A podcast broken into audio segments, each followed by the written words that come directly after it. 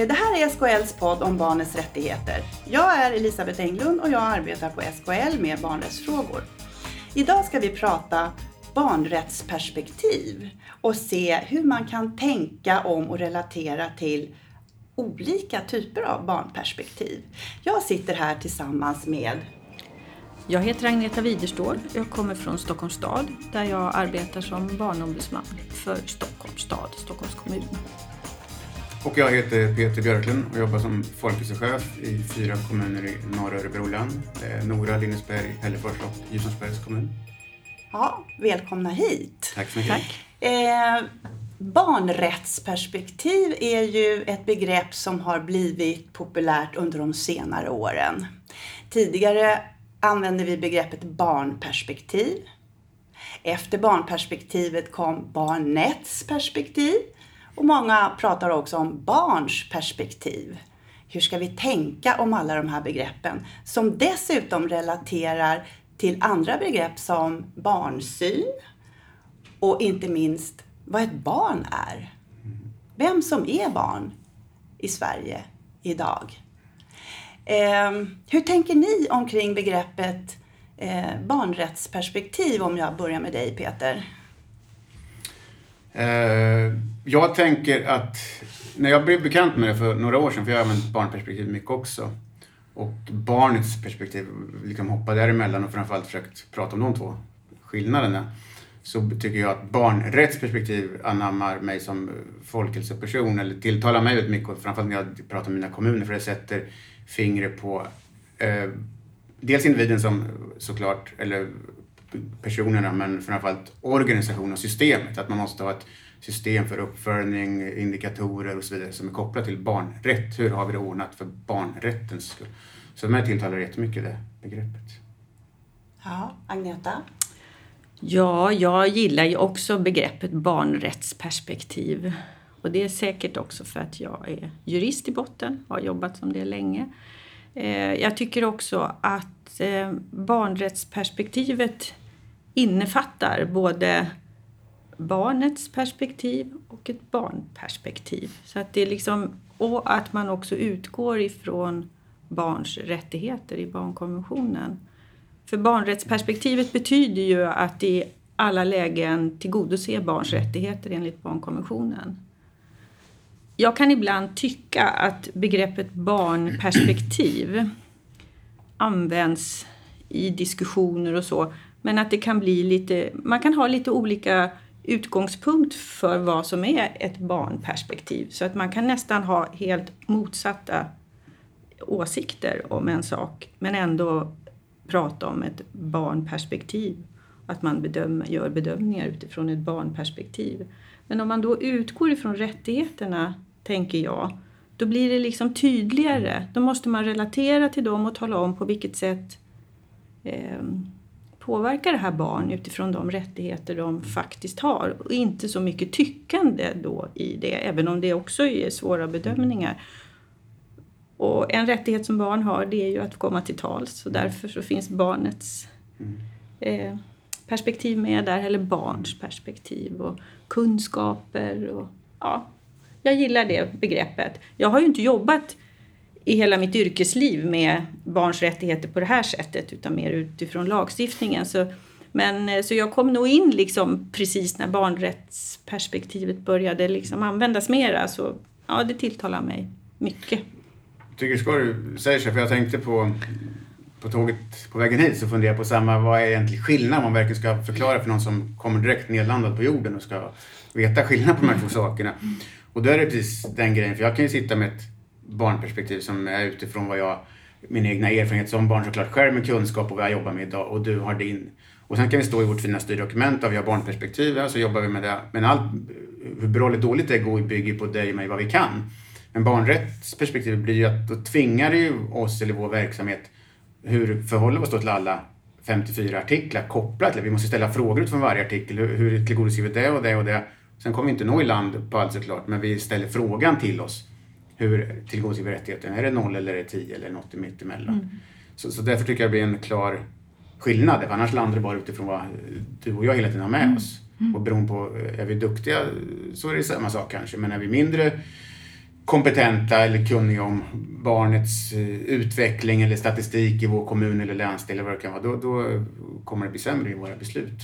Så jag instämmer helt i din sägning. Där, så. så vad ni säger egentligen det är att barnrättsperspektivet inrymmer självklart barnets eget perspektiv därför att det har med rättigheten att göra. Mm.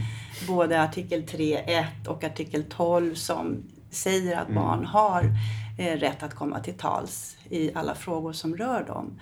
Men ett barnperspektiv, där kan barnets eh, perspektiv ingå men behöver inte nödvändigtvis göra det. Nej, det sätter ju mer fingret på att, att eh, jag ska tänka konsekvens utifrån mitt beslut. Om vi nu ska starta någonting eller lägga ner någonting eller ha någon grupp eller vad, vad blir skillnaden på A, B och C-alternativen? Att jag har tänkt så pass långt eller vi gör det i vår verksamhet eller i politik eller vad vi nu gör. Så, så att man- har ett konsekvenstänk tänker jag, kopplat till detta. Sen finns det massor med andra konsekvenstänk i andra områden också men just får vi in det då till budget kanske eller vad det nu kan vara. Barnrättsperspektivet är ju också positivt tycker jag för att just att man pratar om barns rättigheter. Det är de som är de här rättighetsbärarna helt enkelt. Det blir också tydligt. Och då får man ju liksom med både de rättigheter, de sakrättigheter som barn har men även också de krav som barnkonventionen ställer på en offentlig myndighet. Och till exempel att man ska ha kunskap och man ska hitta de barn som, som beslut och åtgärder rör. Och det handlar om, jag tänker då ryms ju artikel 2 med icke-diskrimineringen också för om vi pratar om barns perspektiv då måste vi ju tänka på att barn är olika och har olika synpunkter och tankar och olika, mm, vad ska man säga, de har olika utgångspunkter för vad som, för, för vad som är viktigt för dem helt enkelt. Och pratar man om barnrättsperspektiv och liksom har koll på hur det där hänger ihop då tycker jag att det känns som att det finns större möjligheter att få med det som barnkonventionen egentligen är avsett för. Ja. Och jag tror, en, ja, från min synpunkt med utifrån det besked vi fick igår om lagen, just att det det. kommer bli en svensk lag, så, så eh, att jag gissar att ett antal kommuner, regioner och landsting kommer få lite ökad arbetstakt nu och så. Och då tänker man att ja, nu har vi barnperspektiv i våra dokument och så, men om vi tar ett barnrätt, då blir det att just det att att det är utifrån det du är inne på, rättighet. Vi måste tänka utifrån ett rättighetsperspektiv, att, det, att man har rätt till x antal saker. Sen når man inte land av de olika anledningarna, men, men att de här rättigheterna har barn utifrån att de är medborgare i vårt land. Eller medborgare behöver inte vara med att de finns i vårt land.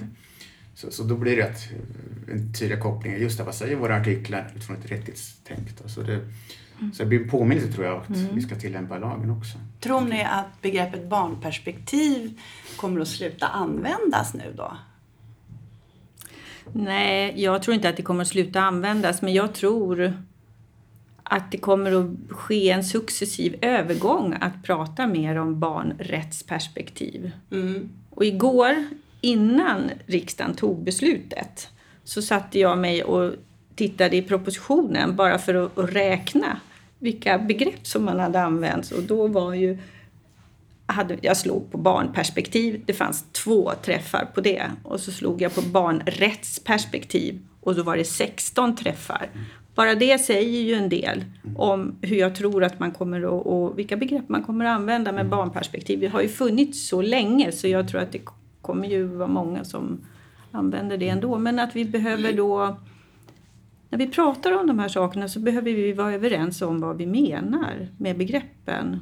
Och så har det väl ändå varit. Det finns ju, man kan ju inte liksom bara slå upp så här vad betyder barnperspektiv. Utan det handlar hela tiden om att man är överens om vad det betyder och vad betyder det för oss? Och vad betyder barnrättsperspektiv för oss? Vilka rättigheter är det som vi har att se till att barn får? Och ja, det är olika för olika verksamheter.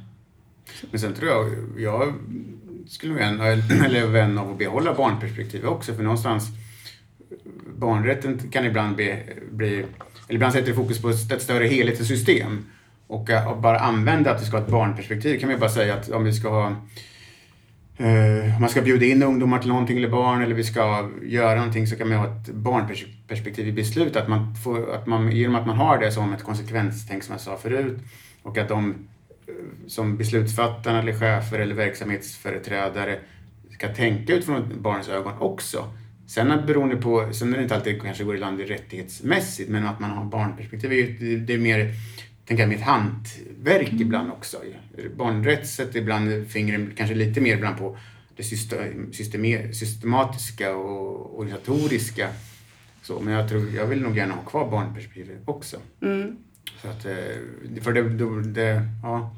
För många år sedan så gjorde jag en undersökande studie om barns uppväxtvillkor på Norrmalm här i Stockholm där jag arbetade då. Och då intervjuade jag 55 personer och av de 55 personerna så var det två som menade att det i ett barnperspektiv ingick att man också pratade med barn. Det var en verksamhetschef och en resurspedagog. Det tyckte jag var ganska intressant. Av 54? Av 55 personer. Ja. Så där kan man ju se, om man, om man känner sig uppgiven över att det inte går så fort, mm. så tycker jag att det går ändå stadigt åt rätt håll. Mm. Eh, och att det är viktigt att kunna se tillbaka ibland för att se att saker och ting går framåt. Mm. Barnets perspektiv är ju så viktigt och kan vara helt avgörande för en verksamhet, tänker jag, i, när man ska utveckla arbetet. Jag intervjuade en narkosläkare en gång och han berättade för mig att det var så jobbigt för att alla barn var så rädda när han sa andas i den här masken och så tryckte han ner en sån här så kallad mask då som man har när man ska ge narkos. Och om man vet hur barn tänker när de är sådär ja, fyra, fem, sex år, vad är en mask för dem? Jo, det kan vara typ en dagmask. Mm. Den vill man ju inte andas i. Och så det är viktigt att man känner till sådana här saker om barn för att få eh, deras syn på. Det var en sjuksköterska då som sa, ja nej men säg eh, andas i den här tratten istället. Och genast blev det mycket bättre för den här läkaren. Han kom mycket bättre överens med barnen efter det. Mm. Så jag tänker att det är viktigt att fråga. Mm. Jag var på en konferens här i måndags eller tisdags i, ehm, i Falun och då jag skulle gissa att den personen, företagaren, har ganska bra koll på barnrätten också. Men han gjorde, utifrån det man ibland har barnet i mitt, vi pratar ju om det, och sen har vi alla som tittar på det utifrån. Och så var han inne på varför det ibland inte alltid går så bra för barnet. Även fast vi sitter alla runt omkring utifrån, från olika verksamheter, skola, socialtjänst, hälso och sjukvård och föräldrar och alla som är med. Då gjorde han en bra övergång just att en utveckling är kanske att vi måste också sätta barnet utanför och titta också in på sig själv eller på grupper, vad det nu kan vara. Och då blir det för mig en naturlig övergång, precis det du var inne på, att man får också barnets perspektiv på sig själv eller mm. företeelsen. Och han gjorde det på ett väldigt bra sätt som öppnade upp ögonen för säkert personer som inte alls är insatta i frågan så att bara för att vi sitter i bra professioner så kanske vi måste också sätta barnet utanför med och fråga vad tycker hon eller han eller hen om, om situationen eller läget. Och då blev det, då kopplar man ju, han gjorde en bra koppling mellan barnperspektiv. För då hade man ju först mm. när alla andra satt utan barnet, sen till barnets perspektiv. Och genom att bara göra det, om man nu skulle då göra en bra eh, vet du det, handlingsplan på allt det här, för det måste man ju ha såklart, då, då blir ju ett barnrättsperspektiv på det, för då blir det en systematik i det hela också. Att, ja, men kom ihåg att vi måste ha mm. barnet också utanför i cirkeln. Med. Så då, mm. och det visar ju bra i det här nya häftet från SKL också, att det är en viktig grej att få, tycker jag i alla fall, barnet utanför sig mm. självt. Ja. Mm. Hur tänker du? Nej, men jag tänker också att det är jätteviktigt att få med vad barnet eller barnen tänker, mm. tycker och vad de har för förväntningar och utgångspunkter. Mm. Och det kan inte vi alltid gissa. Vi kan mm. tro, men vi kan inte gissa och många gånger blir vi också förvånade mm. över hur, hur det kan vara. Jag vet i Stockholm har vi har man ju genom, i stadsbyggnadsfrågor vi har ett nytt dokument som heter Staden i ögonhöjd som handlar om att göra barnkonsekvensanalyser och integrera barn i, i stadsbyggnadsprocessen. Och frågat barn mycket om vilka områden de trivs i och var är det bra och var känner de sig otrygga och så vidare. Och det är ju många gånger så att när man lyssnar på vad vuxna tycker är bra områden så är det ju inte alls det som barn tycker. Så det är väldigt olika. Jag tänker bara på en undersökning som man gjorde när det handlade om ett centrumområde, då tyckte barnen att det var otryggt där för det fanns väldigt många missbrukare där. Medan de vuxna tyckte det var otryggt där för det var så mycket stökiga barn där. Mm. Så att, lite generellt. Det så. kan skilja sig Ja, det kan skilja sig väldigt. Så det är intressant och därför är det ju också viktigt att få med, få med barnen helt enkelt. Olika åldrar och grupper och ja, förutsättningar. Eller om det handlar om ett enskilt barn, då är det ju extremt tydligt. Och jag tänker också eh, i Stockholm har vi arbetat mycket med att få med ett barnrättsperspektiv inom socialtjänsten. Och det har ju funnits med, det finns ju lagstiftningen, det är ju liksom egentligen inget konstigt. Men det som vi behöver jobba mer med och som vi nu har satt igång ett arbete kring det är ju att i de ärenden som gäller vuxna, där det finns barn, få mycket mera med barnet. Eftersom barn blir så påverkade utav det som rör en vuxen. Mm. Att, kan du ge exempel på någon sån verksamhet? Ja, men jag tänker en, en eh, ja, inom myndighetsutövningen så är ju föräldrar som har missbruksproblem, psykisk ohälsa som behöver insatser från socialtjänsten. Det påverkar ju barn som finns runt omkring. Att man, att man uppmärksammar barn också att de kan få tala om hur, hur ser det här ut för mig. Ja, det här är svårt ibland mm, med de sekretessregler vi har. Vi sätter ju föräldrarna väldigt högt. Eh, Men eh, det, det gäller liksom att hitta arbetsformer och kunna få en struktur där man får in barnets syn på och barnets perspektiv. Så, För jag tänker lite, den förra podden som ni spelade in var ni inne på indikatorer. Vill jag minnas där. Och jag tänker en grej som man kan ha, i, ibland om man har ett barnperspektiv kan man ha någon form av indikator vad, vilka så, verksamheter man har för barn och unga. Inom kultur och fritid eller, eller öppettider i en idrottshall eller vad det nu kan vara. Men om- om man skruvar lite på sån form av indikator att, att uh, hur många arrangemang eller saker som arrangeras av barnen, ungdomarna själva i den månsta utsträckning så blir det en, ett svar på en annan fråga. Då ser man ju vad de själva har producerat, givetvis med form av stöd på något sätt kanske men, men ändå. Det här har ungdomarna själva driver fram om man har en handbollsnatt eller en konsert eller en danstävling eller vad man nu vill hitta på men det de själva är producenter utav. Då, då blir det barnets egna också istället för att att kommunen själva skapar grejer och man kollar hur många vi har haft, om vi har haft så här många. Så det, då väver vi in barnets egna perspektiv, tänker jag också. Och då blir det också återigen kopplat till hela, då är vi- tänker vi rättighetstänk där igen då. Ja. Så utan att... Men jag tänker, jag kopplar det till barnsyn, det här med barnets eget perspektiv. För jag funderar över att det finns ofta en, eller ibland en oro eh, från de vuxna att prata med barn, att närma sig barn och fråga. Det behöver inte bara vara i fall som rör det enskilda barnet utan även i stort. Eh, och ibland så grundar sig den, eh, den synen i att man inte tycker att barn ska ha rätt att uttala sig. Men ibland så kommer det av att man är orolig för att närma sig barnen och prata med dem. Alltså hur kan man stötta vuxna att våga prata med barn? Har ni några tankar om det? En tanke jag har eh, är kan utifrån eh, delaktighet och, och inflytande är att, att um, det kan vara lätt sagt och gjort, men ändå att man är tydlig med att det inte är samma sak som att bestämma. Jag tror, framförallt via media kan det ibland bli att barnkonventionen och barnrätt och så framställs som att barnen ska bestämma, men utifrån att man är väldigt tydlig. Jag vill jättegärna att vi ska prata om saker och ting. Jag, dina tankar, idéer, idéer är jättevärdefulla. Det får mig att kunna skruva på saker som behöver bli bättre.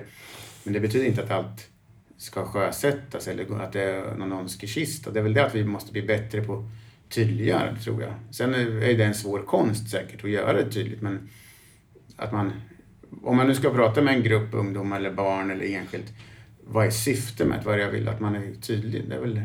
Sen är det ju en, jätte, det är en pedagogisk konst att kunna prata med, med barn såklart. Mm. Att en del gör det jättebra naturligt för att, och andra gör det, det är svårare. för man har för svåra ord kanske, det kan vara. Ja.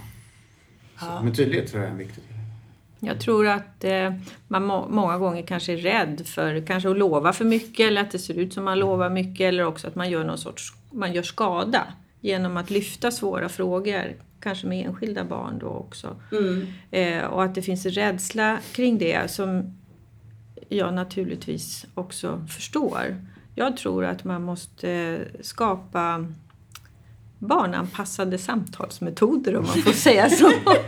Nej, ja. men att man måste hjälpa till att ta fram rutiner och metoder för att man ska våga inom kanske till exempel socialtjänsten, till, inte de som jobbar med barn och unga idag, de, de är vana med det, men de som han, i vanliga fall träffar vuxna.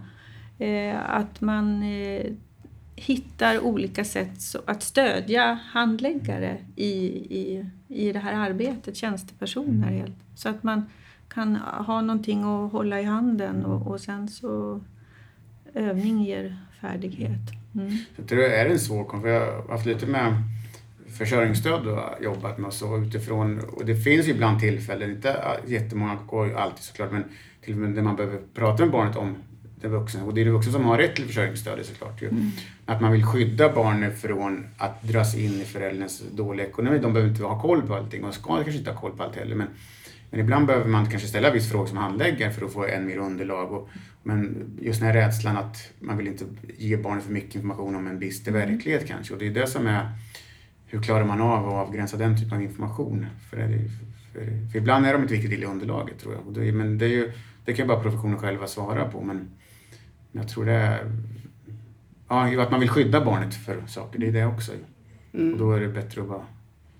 Vet man inget så vet man inget. Och, Nej. Mm. Men barn vet det mesta.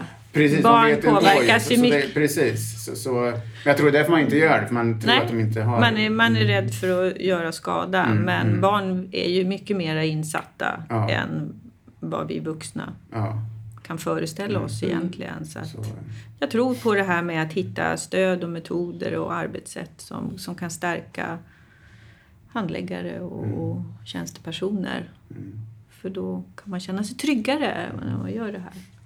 Jag pratade med en person häromdagen som hade varit mm. chef inom socialtjänsten. Och hon berättade att hon skickade ut sina medarbetare att göra praktik på en förskola mm. en vecka. Mm var.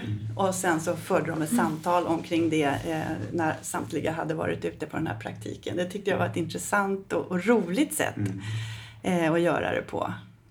Ja. Att vara där och få mm. bekanta sig med någon annans barn på en mm. förskola. Där är ju barnen eh, hela tiden så att säga. Så att det finns många tillfällen för en att prata med barnen. Mm. Hon borde vara beredd på barn också. Ja, men precis. Ja. Konstellationer. Ja. Mm.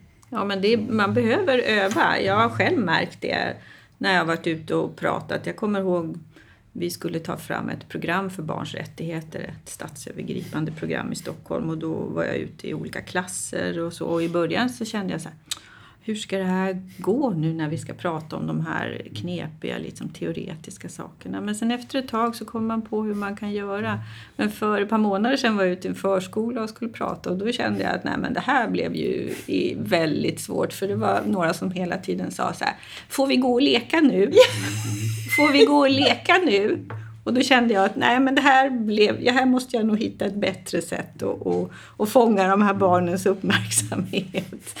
Så klart att det kan vara knepigt. Ja. Men det, är lite, för ibland när jag brukar prata om just begreppet eller artikel 12 där då med delaktigt inflytande kopplat till barnrätten då att eh, beroende på verksamhet och syfte så måste man ha helt olika former av metoder för att ta in barn och ungas åsikter. Ibland kan det vara en, en traditionell medborgardialog via SKL om man jobbar via den. Men när man är mitt ute i en verksamhet då kanske man behöver ha en pedagog som får x antal frågor, ställa frågor utifrån det jag som uppdragsgivare vill veta saker om det här området. Så man måste ju vara väldigt, det finns ju inte en mall som one size fit all, det går ju inte. Man måste ju vara väldigt på vilken nivå man är också. Och det där tror jag man kanske är fel när man ska prata om ungas delaktighet. Och bjuder in till någon träff ibland generellt sett eller skaffar mm. några råd eller ett fullmäktige. Men vad är syftet med att vi ska ta in alla rösterna?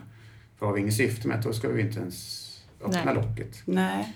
Eh, och, eh, och då kan man återigen koppla till barnrättsperspektiv. Ja, ja nej, men jag håller med. För jag tänker så här, just barnrättsperspektivet, det påbjuder ju på något sätt att vi ska ta in barnets synpunkter. Mm. Då kan vi faktiskt inte komma ifrån det. Det kan man komma ifrån om man använder sig av barnperspektivet. Mm. Men inte om man använder sig av barnrättsperspektivet. Och då tänker jag som i den här situationen på förskolan. Jag kan se de här barnen framför sig. De vill bara gå därifrån och, och göra det de gjorde tidigare. Och leka med sina saker. Ja. Och det är ju helt självklart. Ja, ja. Det är inget konstigt med Nej. det. Men ska vi alltid samla barn och fråga dem? Leder, jag, leder den tanken mig osvuret till? Alltså, ska vi, ska vi göra det? Jag hörde talas om en, en person som jag känner som samlade barnen en gång per termin för att utvärdera förskoleverksamheten i det område där hon arbetade. Och det var jättetrögt, ungefär sådär som du beskriver det. Och så till slut så var det en, ett litet barn, en femåring, som räckte upp handen och sa så här, kan vi få gå nu? nej, Jag, men, nej, och då- jag säger ja. nog nej på den frågan, men var- varför ska vi alltid göra det? Och vad är syftet med? Jag menar, många gånger vet vi ju vad beror på vad det handlar om för grej såklart. Eh, Men är du på tekniska sidan eller något annat, eh, eller sitter högre upp i kommunen, man inte direkt möter barn och unga, så kan man klart inte, det går inte rent praktiskt heller. Så, så, och det kanske går att ta in via andra saker. Så varenda gång, det, det blir ju konstlat på något sätt. Ju. Sen gäller det att hitta dem, och det är återigen då till systematik, när är vi ska göra det, vilka tillfällen. Om jag nu har en siffra eller en statistik som säger vissa saker, då kanske man behöver bygga på det med fokusgrupp eller något annat för att få barnens egna, eller ungdomarnas egna röster i vissa Ja. sammanhang. Men, men långt ifrån alltid. Jag menar, många gånger vet vi saker ändå på en generell nivå. Det gäller ju att det är på rätt tillfälle, tänker jag. Ja. Så det skulle jag tycka. Ja, men jag håller med. All, rätt tillfälle. Ja. När, när, när det har betydelse och kan ha betydelse. Ja. Och inte bara hålla på och fråga hela tiden. Det- Det, har det går ju. Jag tror egentligen inte heller våra verksamheter kommer att kunna fungera om vi hela tiden ska hålla på och fråga barn. Utan vi behöver verkligen tänka efter. När är det viktigt? När kan det ha betydelse? Och är det så att vi känner till vad, ba, vad barn och unga tänker och tycker om det här redan tidigare? För vi har frågat det tidigare men då kan vi använda det igen. Eller har det hänt någonting som gör att vi måste fråga igen? Ja, då får vi göra det. Mm. Jag tycker att det är lite att utnyttja barn om man hela tiden... Det kan bli liksom som en... eh, Åh, vad heter det när man... eh, Ja. Man frågar barn för då har man frågat barn och sen är det check på Check på den. den. Ja, vi, har, vi är duktiga när det gäller barns rättigheter. Mm. För det är ju återkoppling jätteviktigt. Vad är skillnaden? Om vi nu ser som, ser som ett år, vad, vi, vad har hänt sen gången? Men vad gjorde vi mera förra svar och sånt? Eller åtminstone några utav frågeställningarna och svaren. Då, så. Ja, nej, så det vid rätt tillfälle så. Ja. Men det är ju också, det, där är ju, det är ju ändå svårt. Och liksom, det behöver man behöver verkligen fundera kring de här sakerna. För att det är ändå vi vuxna då som har en syn på när barn kan tänkas ha synpunkter, när det kan tänkas ha, vara väsentligt för dem. Och det är ju våran liksom barnsyn då som, som påverkar. Och där behöver vi ju vara på något sätt liksom kritiska mot hur vi själva tänker och lyhörda och så. För barnsynen ändras ju också. Och olika verksamheter ser ju på barn på olika sätt. Och, men vi, vi tänker ju olika också.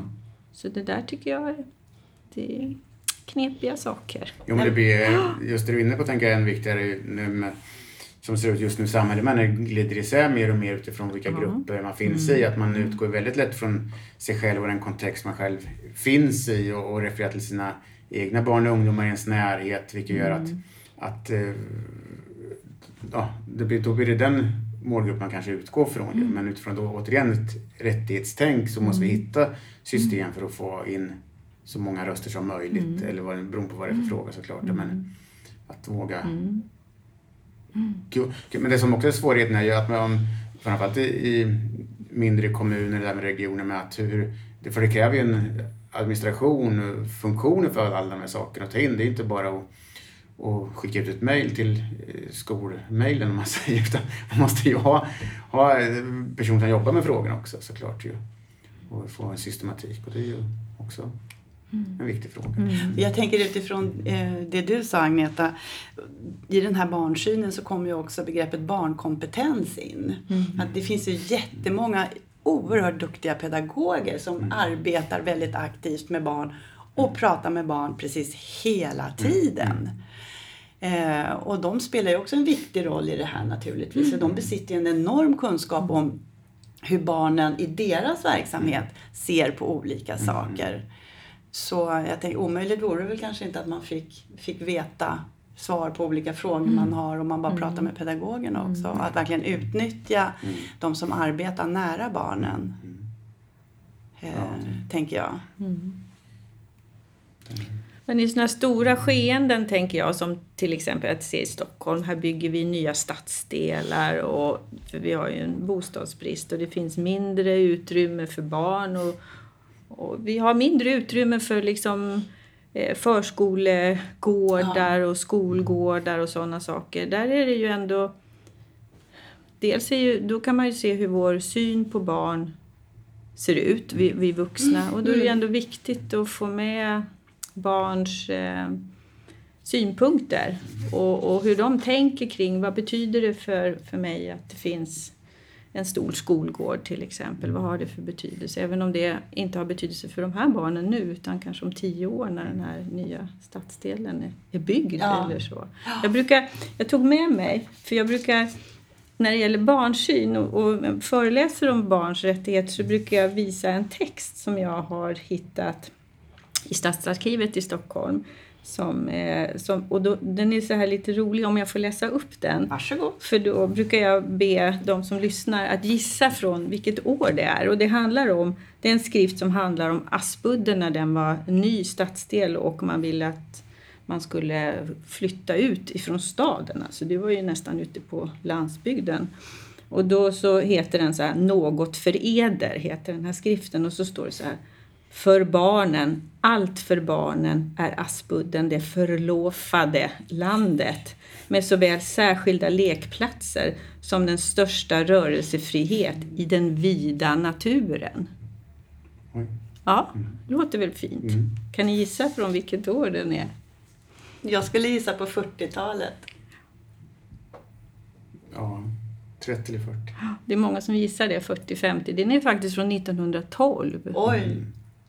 Och då hade man en sån syn på vad barn behövde. Ja, och vad som skulle vara bra för Ja. barn. Och om man då tänker kring hur, hur trångt det är i Stockholm Ja. idag. Så det visar också ett sätt att se på barn. Men, på men just sätt. utifrån det här som du beskriver att ytorna för barn minskar. Eh, både, för, både förskolegårdar och skolgårdar så tänker jag att det är jätteviktigt att i de här övergripande frågorna att det finns någon med barnkompetens som kan slå vakt om det. Som kan se det först. För det är inte säkert att barnen har det eller barn har väl inte det övergripande seendet så att de kan se att det här är någonting som pågår överallt. Utan det finns vuxna som en buffert däremellan som börjar med att se det. Och sen kan man börja i nästa steg och prata med barnen om hur de ser på eh, att skolgården blir mindre och mindre. Och den här betydelsen av att det finns någonstans att röra sig på. Men det är då, du, och apropå det du inledde det här programmet med, med barnrättsperspektiv, att det, är- att det återigen kopplar till systematik. Men någonstans ligger det då på med planarbetet och, och, och så vidare. När i tid ska man koppla på den dialogen i så fall och att man redan vid upphandling och boenden och, eller planering för byggandet att, att vad är hur många kvadrat extra? Man behöver viss kvadrat kanske för själva undervisningen och, och omsorgen och så, men så behöver man några extra kvadrat för att göra det extra som man gjorde på Aspudden då också, för att det ska komma barn till del. Och då måste ju det, och då är vi inne igen på barnrättsperspektivet tänker jag. Och, och eh, jag vet inte om den finns på er hemsida, men det ju, finns ju en bra husbild om, eh, där SKL pratar om rättighetsbasera alla processer. Och genom att man tittar på de olika verksamheterna med ledning, kärnverksamhetsstöd och sen kopplat till politiken, då, där finns ju arbetet runt planering och, och eh, upphandling och så vidare som en del av det arbetet. Men det bör ju det vara påkopplat till att det finns en kunskapshöjning både bland tjänstemän och politik och runt den enskilda handläggaren. Så då, då hänger återigen de här bitarna ihop, tänker jag. Så, så, mm, och att någon kan förhoppningsvis också samordna det arbetet. då. Men, men det, då blir det, för annars blir det, det finns en risk tror jag att det blir en enskild fråga varje gång. Har vi, är det någon som har tänkt på barnen och ungarna i det här sammanhanget för att det råkar finnas en person som jobbar med den frågan just nu. Men är det rättighetsbaserat i, i våra dokument redan då blir det en naturlig del tror jag. Eller öka chansen för i alla fall. Ja. Ja, jag håller med om det. För att det handlar ju om att få med det i det stadium där barns perspektiv kan ha betydelse. Om man får med det för sent, då har det ju ingen betydelse. Då har, kan man oftast inte påverka på det sättet. Utan finns det i strukturen, då, då, då finns det ju med där det, där, det har, där det kan ha betydelse och ha påverkan. Och där, där det kan tas om hand i den liksom, utvecklingsprocessen eller utredningsprocessen. Precis. Och då blir det ju kopplat till, ska man lägga en ny skola eller förskola och, och vi vet att utemiljön är väldigt viktig. Då måste man avsätta x antal miljoner för att bygga eller ha råd med det också. Och då blir det ju ett barnrättstänk i budgetsatsning där också. Så, så då syr man ihop det. Så. Precis. Så. Ja, hörni, eh, de här olika perspektiven och begreppen kan Mm. vi prata om väldigt länge. Eh, vill ni tillföra någonting? Är det någonting som ni tycker att ni inte har sagt för nu? Nej, jag tror vi har snuddar vid en hel Det enda jag satt och tänkte på precis nu, Ja. det var ju det här att om man får med barnets perspektiv och barns synpunkter, då blir det också tydligare när man sen ska göra en bedömning av, det finns många olika intressen och kan finnas intressekonflikter. Och har man tydliggjort barnets syn, barnets perspektiv, då, då blir det tydligare när man ska göra en avvägning sen. För det är ju inte alltid som, som vi har pratat om att det, det som barnen tycker är bäst kan bli det som vi beslutar om. Utan det finns, vi är ju en omvärld. Mm. Eh, och, men att det kan bli tydligt med de intre, andra intressen som finns och vilka ko- konflikter som kan finnas. Mm. Och det är bra att tydliggöra det, tänker Ja. jag. Men då eh, tackar jag dig Agneta och dig Peter för att ni har pratat med mig eh, och alla lyssnare omkring de här olika perspektiven och begreppen barnsyn och barnkompetens och barn. Tack så för idag. Tack.